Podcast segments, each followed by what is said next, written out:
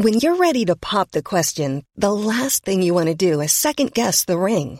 At Bluenile.com, you can design a one of a kind ring with the ease and convenience of shopping online. Choose your diamond and setting. When you find the one, you'll get it delivered right to your door. Go to Bluenile.com and use promo code LISTEN to get $50 off your purchase of $500 or more. That's code LISTEN at Bluenile.com for $50 off your purchase.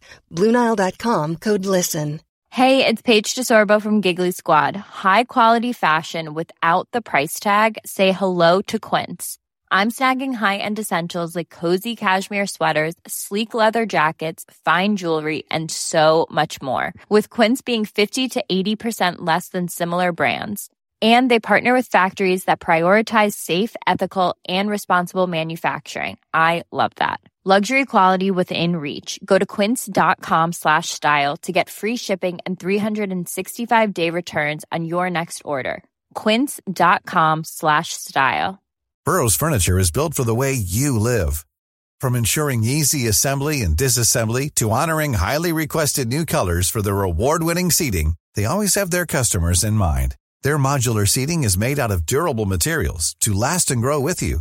And with Burrow, you always get fast, free shipping. Get up to 60% off during Burrow's Memorial Day sale at burrow.com slash ACAST. That's burrow.com slash ACAST. burrow.com slash ACAST.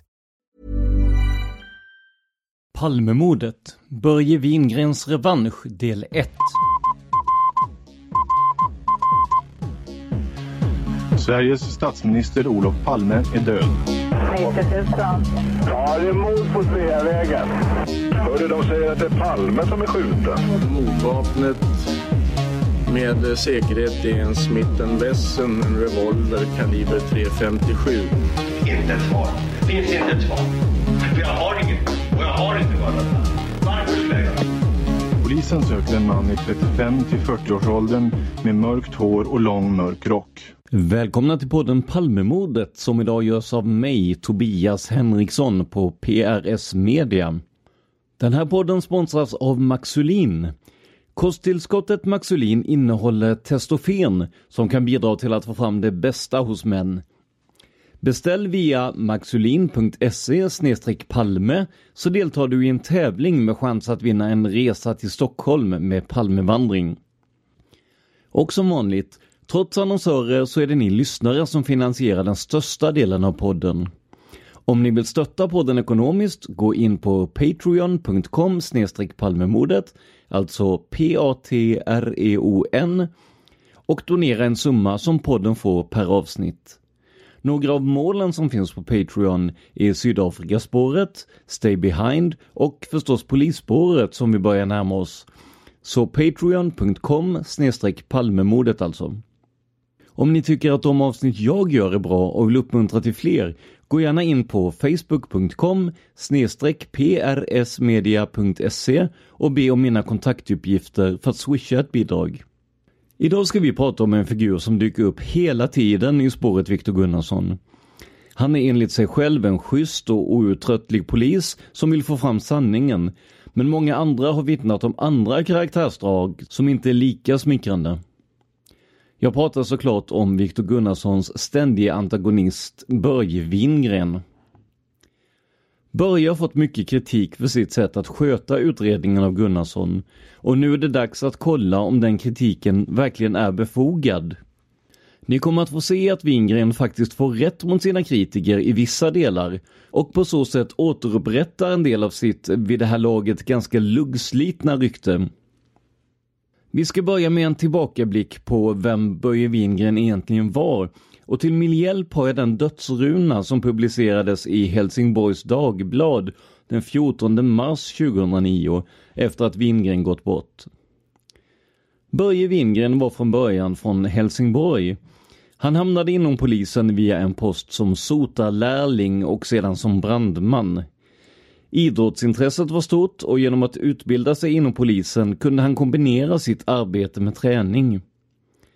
1957 började han vid Stockholmspolisen för att året efter få en tjänst i hemstaden Helsingborg. 1965 fick han en tjänst inom span för att 1969 börja arbeta med narkotika.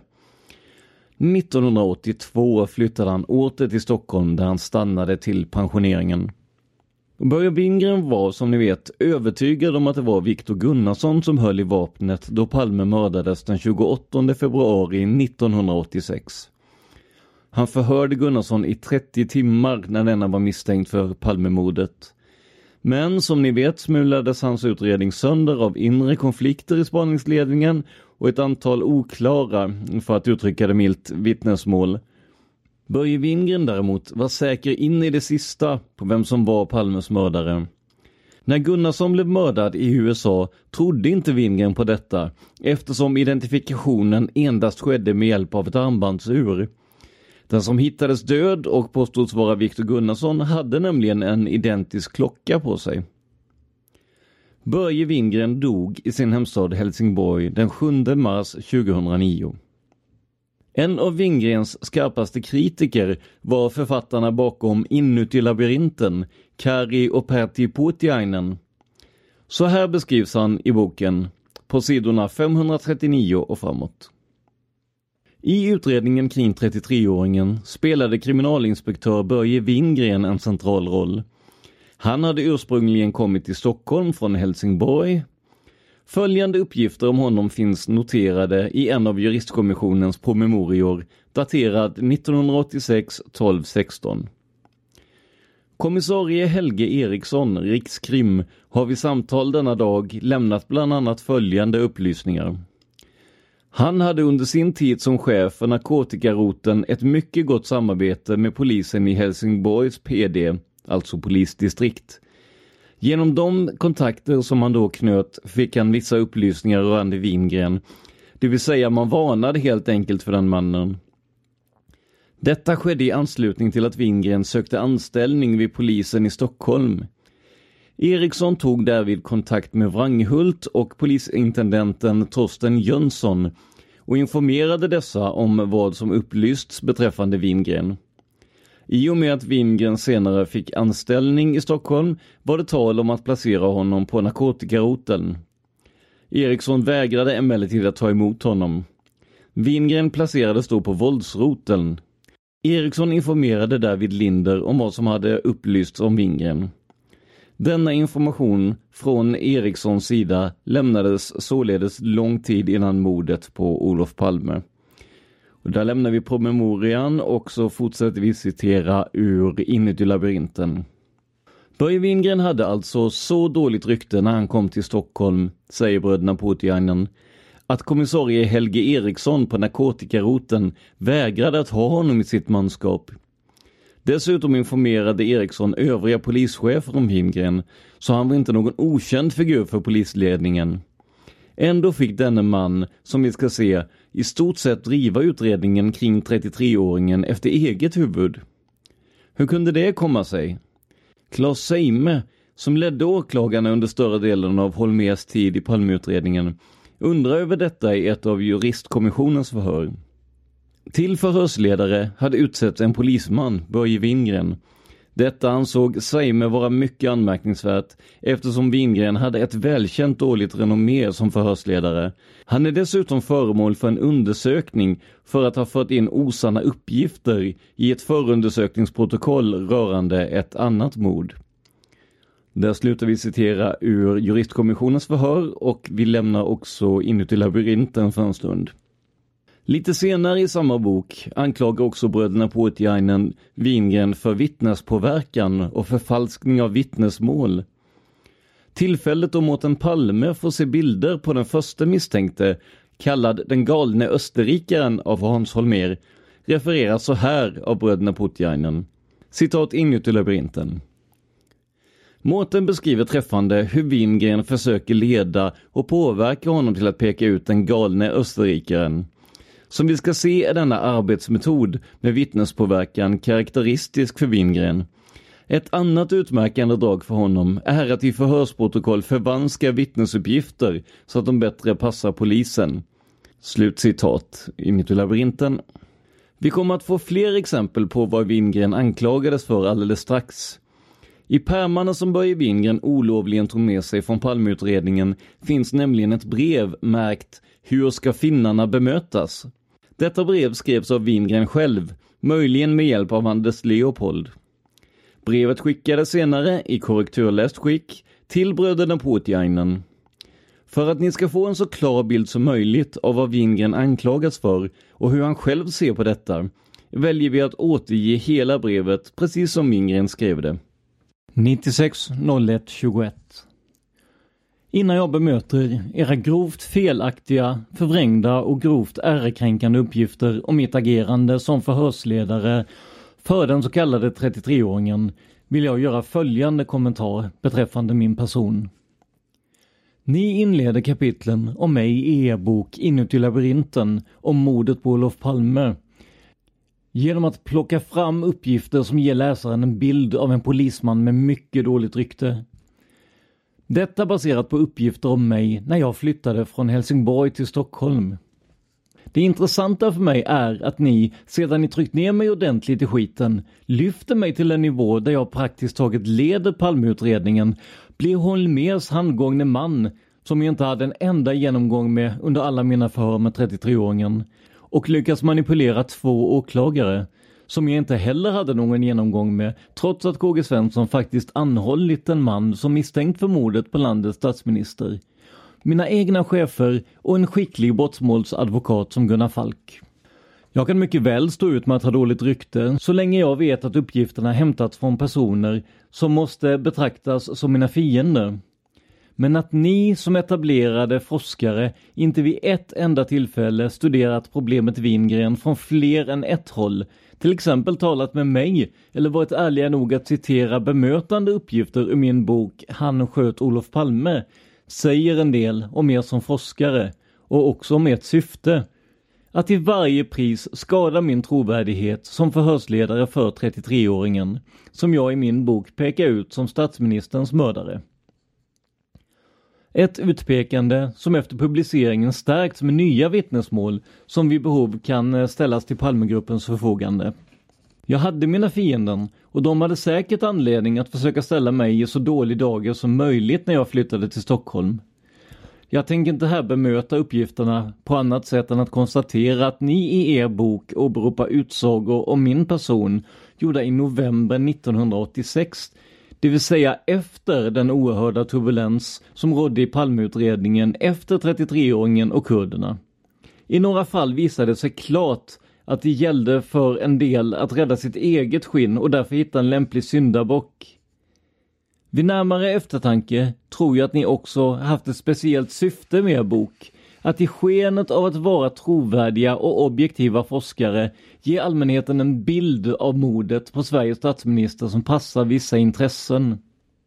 Jag har nu vittnesmål från mina högsta chefer i Helsingborg och Stockholm som kommer att åberopas vid en kommande förtalsprocess. Därtill från ett antal jurister som i egenskap av domare, försvarare och åklagare handlagt mål som jag utrett. Ert material baseras på en lögnaktig uppgift att jag manipulerat en mordutredning. Det är det grova förtalet mot mig och det ligger till grund för hela er aggressiva ansträngning att skada min trovärdighet. Sida 540 Vi ser att Wingren är en verklighetens Hank Quinlan Också Orson Welles polischef hade ju som specialitet att manipulera mordutredningar. Låt oss nu se hur denne Quinlan-figur kom in i Palmeutredningen. Av den hårt ansatte överåklagaren Claes Seimes uttalanden, sida 540, att citat han är dessutom föremål för en utredning för att ha fört in osanna uppgifter i ett förundersökningsprotokoll rörande ett annat mord. Slutcitat. Skapar ni en ständigt återkommande bild av mig som en manipulerande polisman. Det är en fruktansvärd anklagelse mot en polisman som varit utredare för några av de grövsta våldsbrott som förekommit här i landet. Detta krossar helt min trovärdighet. Er avsikt är att visa att jag alltså tillämpade samma system med manipulering för att få fast 33-åringen. Jag går inte här in på det aktuella fallet utan citerar chefsåklagare PH Bondestams utlåtande i Stockholms tingsrätt. Citat. Härmed får jag meddela att jag nedlagt förundersökningen mot Börje Wingren. Slutcitat. Det var KG Svensson som hade anmält mig i november 1986. Det var här han började kampen för att rädda sitt eget skinn och svartmåla mig. Även en amatörforskare hade lätt kunnat plocka fram handlingarna som visade att jag inför sittande rätt meddelade att det skrivits fel i ett protokoll till men för den åtalade. Rättens ordförande underströk detta för åklagare och advokat och därmed borde den saken varit utagerad. Men tydligen inte för KG Svensson som behövde gripa varenda halmstrå han kunde få tag i för att dölja sina misstag i inledningen av Palmeutredningen. På detta bygger ni hela er fantastiska historia om den manipulerande polismannen som till varje pris skulle få fast 33-åringen. Det är ett oerhört påhopp jag har inte manipulerat en enda polisutredning och skulle rent praktiskt med den tjänsteställning jag hade som kriminalinspektör inte ha kommit långt med sådana saker under flera av de professionellt skickliga chefer jag haft. Ni skriver att jag var Hans Holmers vapendragare. Jag har aldrig under hela min poliskarriär vistats i enrum med Hans Holmer. Jag hade andra chefer som jag tog order av. På sida 548 anklagas jag återigen för att ha manipulerat nu 33-åringens konfrontation med de två flickorna från Saga. I protokollen från dessa konfrontationer redovisas i detalj vad som hände. Jag tvivlar på att ni haft tillgång till dessa protokoll. Ni var inte heller närvarande och kunde se vad som hände. 33-åringen går bland annat fram till spegelfönstret och gör ett så hotfullt utfall mot en av flickorna att hon bryter ihop. Konfrontationen får avbrytas. Ni påstår att det istället arrangerades en fotokonfrontation. Det är ren lögn. Kollegan Ulf Nordin tog på sig 33-åringens jacka och visade upp den. När vittnet D såg jackan sa hon citat Den jackan är precis lika den som den mannen på Saga bar. Slutcitat. Det är häpnadsväckande hur ni anstränger er för att få det att se ut som att jag ingick i ett team med Hans Holmer. Jag höll inte förhören utan sanktion uppifrån påstår ni. Uppifrån för mig var mina chefer på våldsroten. På sida 551 skriver ni att jag vrängde till vissa påståenden så de kom i den tappning Holmer ville ha dem. Jag lämnade inte en enda rapport till Holmer. Ville han veta något hade han tillgång till förhörsprotokollen. Varken han eller någon i spaningsledningen visade sådant intresse av förhören att de var närvarande. Ett påstående att jag alltså förvrängde förhören med 33-åringen är grovt kränkande. Det finns protokoll på varenda förhör, bandinspelade och utskrivna. Inget som jag kunde vränga till. Advokat Gunnar Falk, en av landets skickligaste brottmålsadvokater, fanns hela tiden med. I samband med att jag skrev boken Han sköt Olof Palme gav Gunnar Falk detta betyg på mina förhör till min medförfattare Anders Leopold. Citat. Wingren skötte förhören mycket professionellt och jag har inget att anmärka mot dem. Slutcitat. Ni citerar okritiskt 33-åringens bok. Detta trots att det är en partsinlaga Trots att ni i min bok måste ha observerat att det finns ett tiotal vittnen i utredningen som mycket seriöst kan visa att 33-åringen var en första klassens mytoman. Men det struntar ni att ta upp. Det är ganska ruskigt att ni som forskare använder 33-åringens egna citat från förhören utan att ha en aning om vad som står i protokollen. Ni citerar ur 33-åringens bok på sida 551. Citat.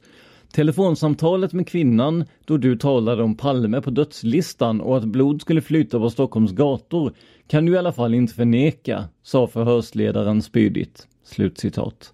Och så konstaterar ni, citat, att meningarna var utryckta ur sitt sammanhang var Wingren naturligtvis medveten om.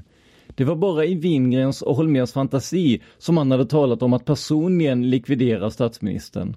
Slut citat. Det här sista är en grovt förolämpande kommentar. Detta är fakta. Den enda gång jag hörde 33-åringen om uttrycket blod ska flyta på Stockholms gator var den 15 mars och jag sa följande. Citat. Har du också sagt så här. Blod kommer att flyta på Stockholms gator. Det kommer att bli blodbad. Förhörsprotokoll 86 03 15 sida 165. Slutcitat. Jag tror advokat Falk kan intyga att min ton inte var spydig. Jag använde inte en sådan ton vid förhör.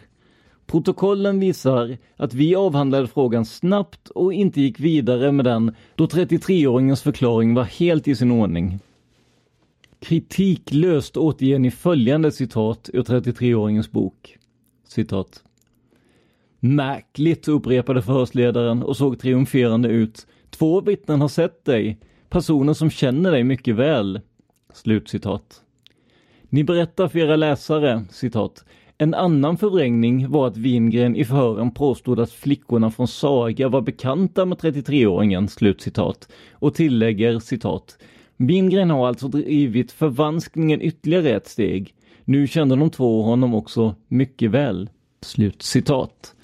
Förvrängning, förvanskning. Jag hoppas ni inser hur allvarlig denna falska anklagelse och svartmålning av mig är när ni strax får beviset för att det var precis tvärtom. Följande citat ur förhöret ska nu motbevisa era grova anklagelser att jag förvrängde vittnesuppgifter. Det är utdrag ur förhöret med 33-åringen vad gäller flickorna på Saga. Ni anklagar mig för att ha påstått att flickorna kände 33-åringen i syfte att försvåra för den misstänkte. Det skulle ha gett helt annan tyngd åt deras vittnesmål. Citat ur förhörsprotokoll 14 i 3 1986 klockan 10.16 sida 45. Närvarande som alltid advokat Gunnar Falk. Gunnarsson. Tack i himlen men det här måste vara något skumt som är bakom det här. Wingren. Här finns inte någonting. Det vanliga enkla medelsvensson som har berättat detta för mig. Gunnarsson. Det kan man ställa sig frågande. Wingren. Vad har de för anledning att ljuga om 33-åringens namn? Gunnarsson. Kanske vill de mig illa på något sätt. Wingren. De vet inte vem du är. Gunnarsson. Selling a little or a lot? Shopify helps you do your thing however you cha-ching. Shopify is the global commerce platform that helps you sell at every stage of your business. From the launch your online shop stage to the first real life store stage, all the way to the did we just hit a million orders stage. Shopify is there to help you grow. Shopify helps you turn browsers into buyers with the internet's best converting checkout. 36% better on average compared to other leading commerce platforms because businesses that grow grow with Shopify. Get a $1 per month trial period at shopify.com/work. shopify.com/work. Hiring for your small business? If you're not looking for professionals on LinkedIn, you're looking in the wrong place. That's like looking for your car keys in a fish tank.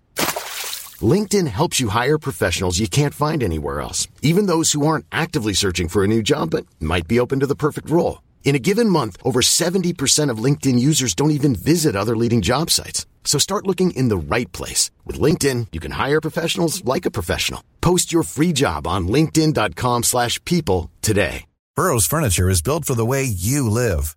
From ensuring easy assembly and disassembly to honoring highly requested new colors for their award-winning seating, they always have their customers in mind. Their modular seating is made out of durable materials to last and grow with you. And with Burrow, you always get fast, free shipping.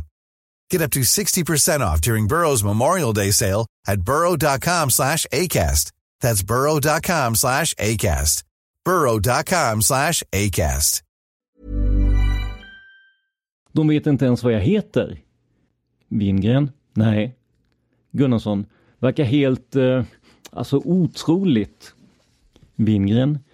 Det är inte otroligt och jag sitter väl inte och ljuger i din försvarsadvokats närvaro. Fattar du inte en sådan enkel sak? Det är vanliga enkla medelsvenssons, människor som inte ens en gång känner dig till namnet. Slut citat för protokoll. Jag upprepar, som inte ens en gång känner dig till namnet. Det är den raka och sanna, med protokoll bekräftade, motsatsen till er lögn att Wingren påstod att flickorna från Saga var bekanta med 33-åringen. Ni skriver, citat, allt det här var förstås fantasier. Men i Wingrens tappning blev det sanningar. Hans förhörsmetodik gick ut på att dag in och dag ut älta de här uppgifterna. Slutcitat. Ni ger inte bara läsaren en bild av en polis som med falska uppgifter försöker sätta dit en misstänkt. Ni försöker också visa att han hade andra metoder, till exempel moroten. Ni citerar 33-åringen som berättar att jag skulle ha hört honom i cellen, både med lekande och hotelser. Till detta vågar ni inte ens ge en kommentar. Jag antar att ni innerst inne inser att påståendet är en orimlighet. Om jag skulle ha hört 33-åringen ensam i cell hade jag omgående avpoliterats och förmodligen åtalats för grovt tjänstefel. Givetvis hade 33-åringen direkt meddelat sin advokat Gunnar Falk. Lögnen faller alltså på sin egen orimlighet.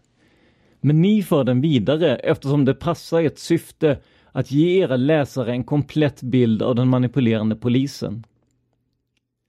Trots att ni läst min bok och där tagit del av min förklaring till att jag inte hade något som helst att göra med den fotokonfrontation som ledde till att 33-åringen släpptes, återger ni inte ett enda av mina ord. 33-åringen och hans lögner sväljer och redovisar ni dock utan att blinka. Ni skriver citat Särskilt om man alla Wingren förvanskade uppgifter lite till. Slutcitat. Det är synnerligen grovt. Men värre är att ni anklagar mig för att ha planerat att genomföra kuppen. Citat. Wingrens order om förhöret, slutcitat, etc. Det visar bara att ni inte vet ett dugg om polisiärt arbete. Jag hade ingen som helst befogenhet att beordra några kollegor att visa ett foto för vittnet Beno. Jag hade tunga professionella chefer över mig som inte för ett ögonblick skulle ha tillåtit någon kupp. I det här sammanhanget blir det för omfattande att bena ut den här historien. Ni har den komplett i min bok. Men jag kan än idag ta fram vittnen på att jag inte stod för fotokonfrontationen, vilken jag utan tvekan motsatt mig om jag känt till den, eller varit ansvarigt för den efterföljande spegelkonfrontationen. Ni har fräckheten att påstå att, citat, inte ens Gunnar Falk lägger märke till manipulationerna, slut citat. Ni har låga tankar om honom och mycket höga om min fantastiska förslagenhet. KG Svensson försöker rädda sitt eget skinn. Därav en mängd felaktiga anklagelser mot mig som det finns anledning att ta upp i ett annat sammanhang. Han har motiv att få mig att bli en syndabock. Det sker ett bra tag efter det han haft så stort förtroende för mig att han beordrade mig att skriva PM till en häktningspromemoria. Hur kunde han vara så omdömeslös att låta denne usle manipulerande polis sammanställa ett PM mot sig som grund för en häktesförhandling mot en person misstänkt för mordet på landets statsminister? Fundera en stund på det. Alldeles innan jag skriver häktnings-PM mot KG Svensson får jag vetskap om fotokonfrontationen. Det definitiva beviset på att jag inte hade något med denna regelvidriga konfrontation att göra är att uppgiften finns med i min PM. Det är när Svensson läser detta som han kastar ifrån sig papperna och tappar koncepterna. Jag vet inte om ni försöker beskriva mig som en idiot eller ett geni. Men jag har definitivt varit en idiot om jag efter att ha planerat den här kuppen, som ni utan saklig grund påstår, också tagit med uppgiften i mitt PM. Den slutsatsen borde ni kunna dra om ni gör anspråk på att bedöma materialet något sånär objektivt. Ni skriver att i länspolismästarens Hans Holméras ögon var det KG Svensson som var boven i dramat. Det bär mig emot att konstatera att ni nu kommer med en alldeles korrekt uppgift. Han var boven även i mina ögon, också i de drivande cheferna i mordspaningen Arne Ivells och S.L. Petterssons ögon även i Tommy Lindströms ögon. Lindström säger också att det bara är snack av KG Svensson att han fick citat ofullständiga, missvisande och inkorrekta slutcitat föredragningar. Han deltog inte en enda gång i förhören med den man han själv anhållit som misstänkt för mordet på landets statsminister. Varför återger inte detta som klart och tydligt redovisats i min bok? Han följde inte med i de utskrivna förhörsprotokollen, därför kunde han inte skriva PM. Han och hans medåklagare Lage Karlström tog inte initiativ till en enda föredragning med förhörsledaren Wingren. Ni som tyckte om att citera 33-åringen kunde ha tagit med uppgiften att han begärde att få träffa både Holmer och KG Svensson personligen, men nekades detta. Men det passar förstås inte in i bilden. Efteråt skriker Svensson ut att det handlar om grov rättskränkning. Ja, det kan man nog säga. Men det är han själv som står för den om han inte tar större ansvar för den man han anhållit och är förundersökningsledare för. Försök att inse följande. KG Svenssons största misstag var att på eget bevåg i affekterat tillstånd sätta 33-åringen på fri fot. Att inte låta en domstol ta ställning till det material som fanns mot honom. Det är alla överens om, utom KG Svensson. När det passar era syften citerar ni JK, alltså justitiekanslern, som trovärdig. När det inte gör det, i kritiken mot Svensson och mig, då ger han underliga polisiära ärenden och misstänkliggörs av er för att skydda den svenska poliskåren. Det är stolligt. Det här citatet från JK säger vad det handlade om. Citat. Enligt min mening hade det inte varit orimligt att tingsrätten fått ta ställning till häktningsfrågorna. KG Svensson måste ha varit medveten om att starka indicier mot 33-åringen kvarstod. Slut citat. Om ni haft tillgång till hela materialet hade ni, trots er ibland generande dåliga kunskap om polisverksamhet och juridik, insett att de två alibivittnen som plockades fram två och en halv månad senare inte kunde ange någon exakt tidpunkt för samtalet med 33-åringen. Därmed föll deras vittnesmål och hade inte ens kunnat åberopas i en rättegång. Därtill har de med stöd för sitt minne att de pratade fotografering med 33-åringen och att denna då tog fram sin nyinköpta kamera och demonstrerade den. Det är bara det att i förhörsprotokollen uppger 33-åringen att han i fotoväskan mordkvällen hade kvällstidningar och den ryska boken Sovjet hotar Sverige. Därmed var den lilla väskan proppad. Han säger också rent ut i förhören att han inte hade sin kamera med sig denna kväll. Han brukar oftast använda väskan som handväska utan kamera. Han är noga med att beskriva innehållet i väskan Bristen på exakt tidpunkt och kameran som visar att det är en annan dag. För övrigt går det med hjälp av 33-åringens egna uppgifter i manuskript och bok att visa att det med största sannolikhet är fredagen före sportlovet han träffar de två pojkarna. Man behöver inte vara kunnig i juridik för att inse att en domstol omgående skulle ha avfärdat dessa så kallade alibivittnen. Det finns mycket annat att mera i detalj gå in på när det gäller era lögner och ert grova förtal. Men det finns anledning att återkomma till detta. Jag vill för den här gången avsluta med att nämna något om er vidriga och lögnaktiga historia om torpeden T. Den gjorde mig både ledsen och bestört därför att jag, om ni citerar T riktigt, inte kan förstå varför han ljuger om mig. Vi hade trots allt goda relationer. Men precis lika kritiklöst som ni tar 33-åringens mytomani för gott låter ni en av landets grövsta brottslingar uttala sig som om han vore en sanningsägare. Ni har till och med mage att påstå att ni inte kunnat beslå honom med osanning. Det måste säga något om ert stundtals totalt urspårade omdöme. Jag hade hand om fallet T, det så kallade Dalen-dramat. Det var ett av de grövsta brottmål vi haft i landet med inslag av olaga frihetsberövande, tortyr, mord, narkotikahantering med mera. Efter turbulensen kring 33-åringen och efter det jag lämnat utredningen fick den usle polismannen som ni nu svärtat ner och det grövsta och tagit heder och ära av förtroendet att leda denna tuffa historia.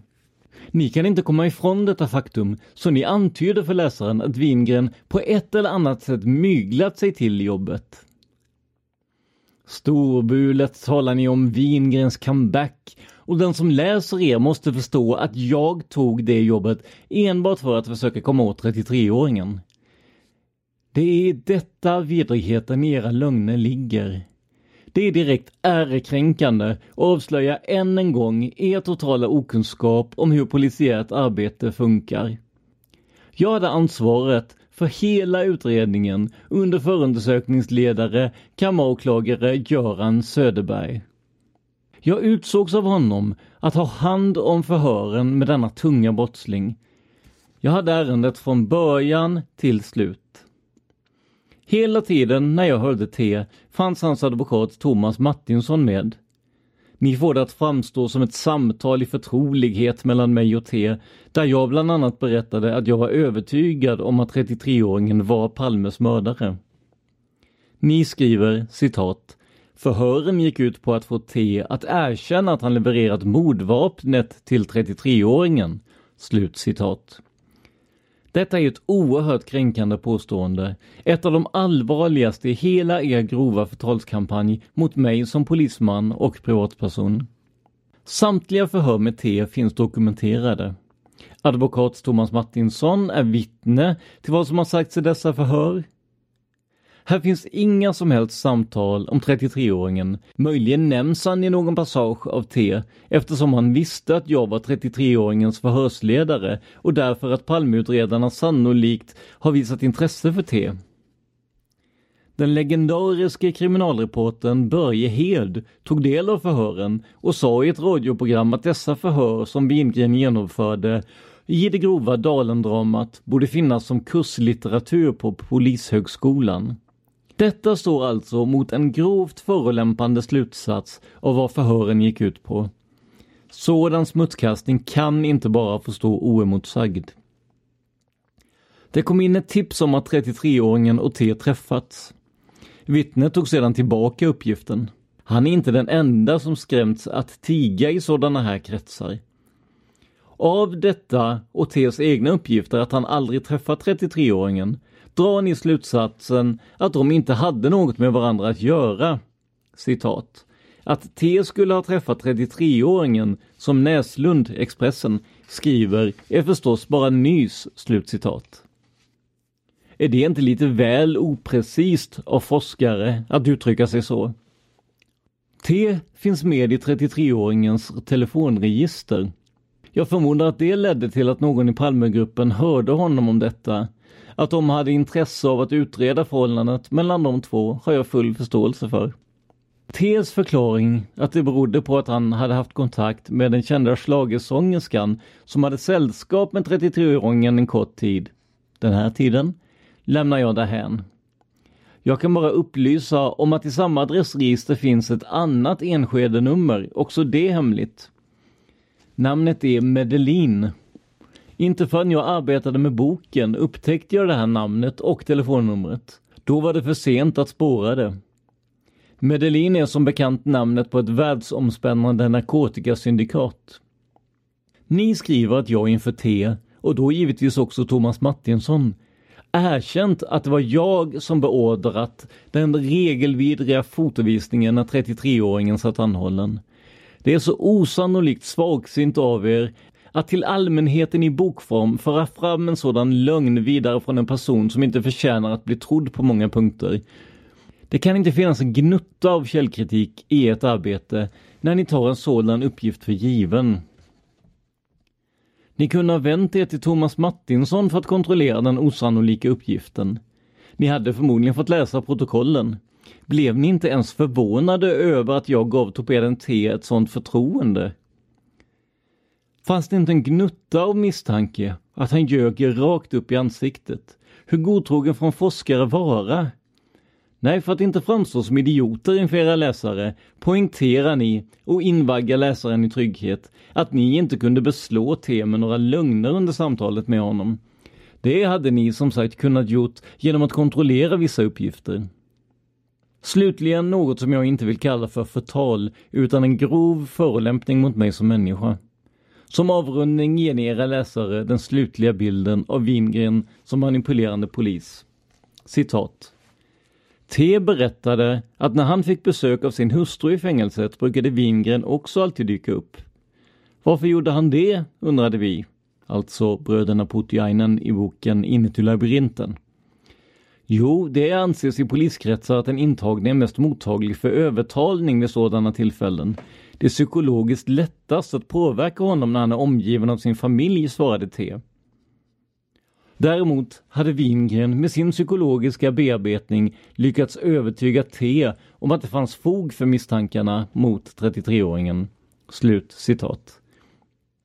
Det sista är er egen slutsats och det gör er direkt ansvariga för att ha publicerat T's lögnaktiga historia. Jag avslutar nu med att återge vad som hände.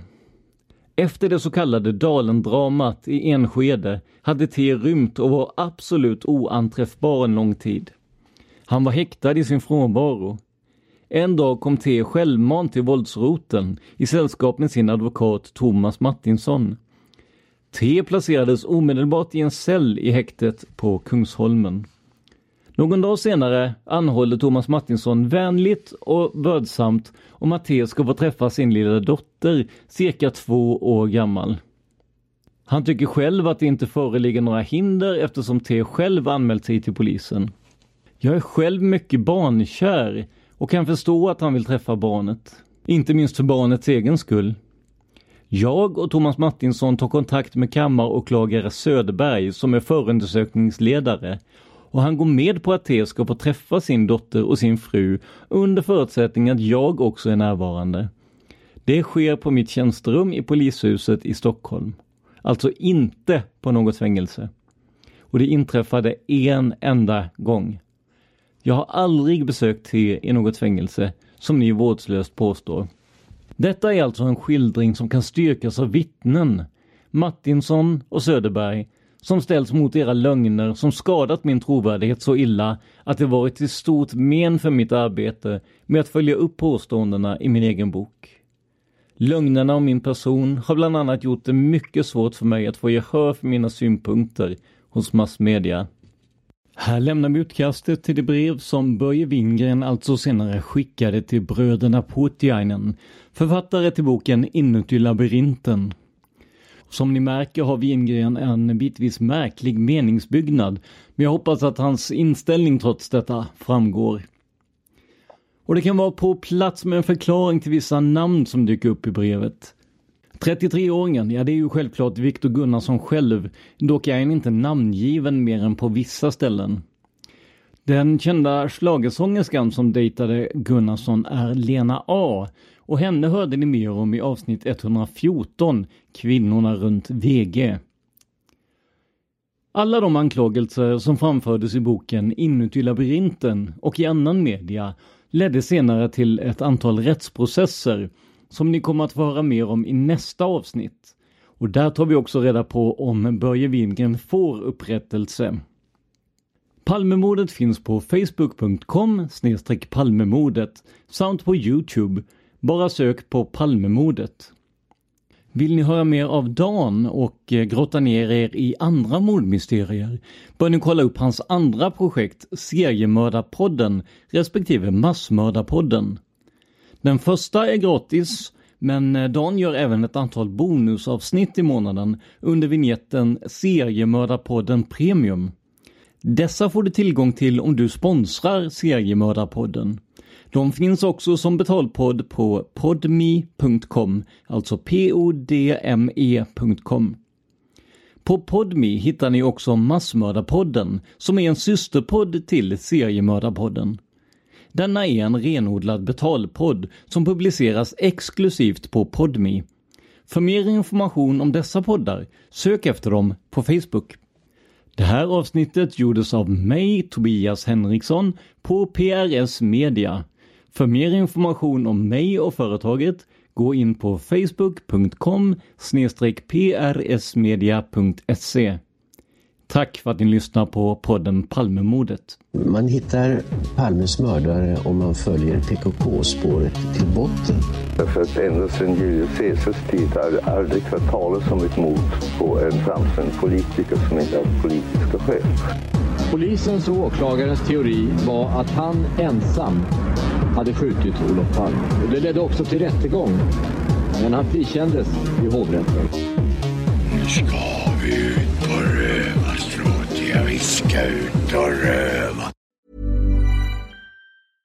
Flexibility is great. That's why there's yoga. Flexibility for your insurance coverage is great too. That's why there's United Healthcare Insurance Plans. Underwritten by Golden Rule Insurance Company, United Healthcare Insurance Plans offer flexible, budget friendly coverage for medical, vision, dental, and more. One of these plans may be right for you if you're, say, between jobs, coming off your parents' plan, turning a side hustle into a full hustle, or even missed open enrollment. Want more flexibility? Find out more about United Healthcare Insurance Plans at uh1.com.